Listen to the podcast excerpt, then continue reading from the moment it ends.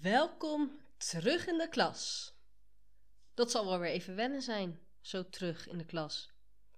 Heb jij het met je collega's toevallig al gehad over de successen uit de online lessen?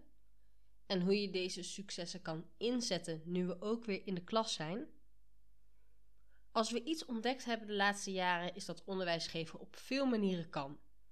In een groep, individueel, fysiek en ook online. En al die manieren vereisen een andere aanpak.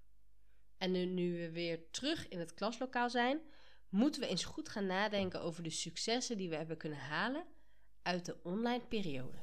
Hi, ik ben Lianne en ik vertel je in deze podcast graag hoe je ervoor zorgt dat je nooit meer hoeft na te blijven. Oftewel, langer op school zit dan nodig. Ik behandel verschillende thema's met je vanuit mijn eigen ervaring als docent. Leuk dat je luistert. Laten we beginnen. Wanneer je namelijk een combinatie maakt van deze twee, praten we over blended learning. En dan heb ik het natuurlijk over online en offline lesgeven. Door het gebruiken van online en offline tools in verschillende fases van het leerproces maak jij een unieke mix van je lesmateriaal. De manier waarop je lesgeeft heeft waarschijnlijk ook veranderingen meegemaakt de afgelopen tijd.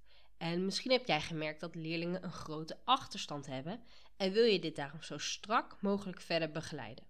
Nou, dat kan een manier zijn, maar je hebt nu ook de kans om het digitale te omarmen en te verwerken in je lessen in het klaslokaal.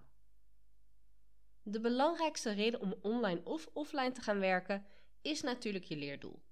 Wat wil jij dat de leerling weet en kan aan het einde van de les en helpt daar een online of offline tool bij? Twijfel je over de online hulpmiddelen, stel jezelf dan de volgende vraag om te komen tot een weloverwogen keuze. Vraag 1 is: wat win ik door een deel van de opdrachten te vervangen voor online toepassingen? Vaak zal dit het antwoord tijd zijn. En vraag 2 is: zorgt de digitale aanpak of toepassing voor een verbetering of een verandering van de opdracht? En is het de verandering waard? Roep je collega's maar eens bij elkaar en probeer met elkaar te praten over de goede momenten uit de periode uh, dat we online les moesten geven. We kunnen ontzettend klagen met z'n allen, maar laten we dat klagen nu even lekker overslaan en het hebben over de goede momenten. En vergeet hier je leerlingen ook niet in te bevragen en organiseer bijvoorbeeld een leerlingarena, want ook dat is erg waardevol. Welke online werkwijzen zouden zij namelijk graag terugzien, nu we weer op school zijn? Ik denk dat heel veel docenten het afgelopen schooljaar en het schooljaar daarvoor ehm, door COVID natuurlijk heel creatief hebben moeten nadenken van oké, hoe kan ik op een digitale manier mijn onderwijs nu geven? En persoonlijk denk ik dat je hier hele waardevolle dingen in hebt gemaakt, die je nu dus eigenlijk ook kan inzetten. Denk aan extra ondersteuning, zoals instructievideo's, uh, misschien geef jij uitleg al in een video of in een audiofragment. Heb jij posters gemaakt of infographics? Ik, ik, ja, ik kan van alles verzinnen, maar ik weet niet wat jij hebt gedaan. Maar bekijk zelf eens, of kijk zelf eens terug naar het afgelopen jaar, anderhalf jaar. Um, ja, wat heb ik nu veranderd toen ik digitaal les moest geven? Want ik neem aan dat jij je lesinhoud dit schooljaar hetzelfde hebt je behandelt waarschijnlijk dezelfde onderwerpen. Dus waarom zou je dat materiaal nu ook niet weer gebruiken? En ja, weet je, er is altijd ruimte voor verbetering en dat is nou het onderwijs. Maar daar gaat het me nu niet om. Het gaat mij om die mix. Hoe kan je ervoor zorgen dat het afgelopen half jaar die mooie momenten um, met mooi materiaal wat je hebt kunnen ontwikkelen of hebt moeten ontwikkelen door nood, hoe kan je die nu nog steeds gebruiken en zie je het niet als een verloren onderwerp, verloren product, hoe je het ook wilt noemen? Je mag daar best een mix en match in maken. En daarom ben ik nu deze aflevering eigenlijk ook aan het maken. Onze leerlingen zijn nou eenmaal digital natives, of hoe je dat ook goed uitspreekt. Zij leren op een hele andere manier dan dat wij doen. Dus misschien is het wel tijd voor die interactieve lesplanner op dit moment. Misschien is het wel tijd voor die podcastafleveringen als lesmateriaal. Gebruik instructievideo's en nee, die hoef je niet per se altijd zelf te maken. YouTube staat vol met prachtig materiaal wat je kan inzetten. Het mag echt een berg van verzamelingen zijn, zolang het maar geen chaos wordt en dat jij, maar ook je leerlingen um, ja, inzien en begrijpen wat ze moeten leren en waarom. En ik denk dat ik dit nog beter kan onderbouwen door een voorbeeld te geven vanuit de TPEC-methode.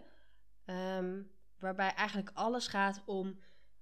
Uh, ja, er zijn drie pijlers waarbij het gaat over je didactische vakinhoudelijke kennis, je pedagogische vakinhoudelijke kennis en uh, de technologie. En hoe je die drie samen kan voegen tot een goede digitale les.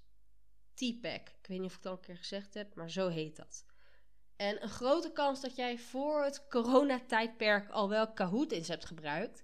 En dat jij presentaties voornamelijk maakt uh, in PowerPoint. En dat is een mooie eerste stap, want dat betekent dat je al iets aan het doen bent met die ICT-toepassingen. En het feit dat jij nu een podcast luistert, betekent ook dat je dat in de vingers hebt en weet waar je zoiets kan vinden. Nou, mijn voorbeeld gaat dus om dat TPEC-model. En dit model zorgt er eigenlijk voor dat jij de ICT-toepassingen zo gebruikt dat de leerling er echt iets van leert.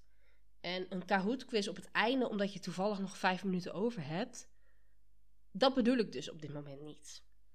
Nee, een tool die je echt inzet waarbij de leerling iets leert, is echt iets anders. En ik denk dat ik dat het beste kan onderbouwen door het volgende voorbeeld. Stel je bent bezig met voorkennis te activeren. En daar wil je de volgende werkvorm voor gebruiken: denken, delen en uitwisselen. Stap 1 is dan denk in stilte. Uh, ja, ik moet eigenlijk even vanaf het begin. Stel, je start je les met een quote of een standpunt op het bord. En uh, in mijn geval zal het bijvoorbeeld van een kunstenaar of van een kunststroming zijn ter inleiding, introductie op een nieuw project. Nou, stap 1 is dan: denk in stilte wat deze quote zou betekenen, uit welk jaar zou dit kunnen komen of waar dit bij zou kunnen passen. Je stelt natuurlijk een vraag op het niveau van je leerlingen. Zo heb ik wel eens een quote of een stukje tekst uit een brief van Vincent van Gogh gepakt.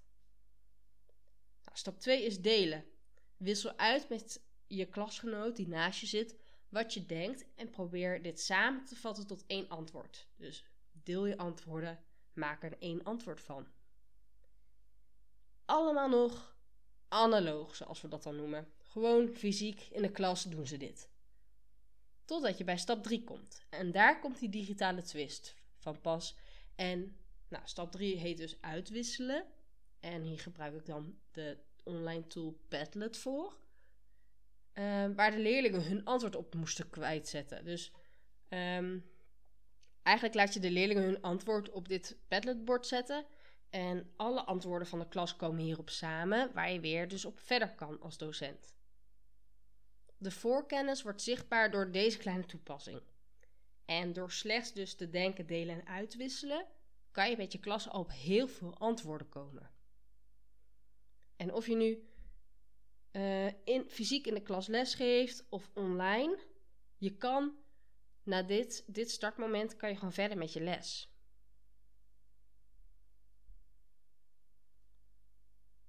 Ik hoop dat ik um, het digitale lesgeven voor jou even op een andere manier weer in het daglicht zet.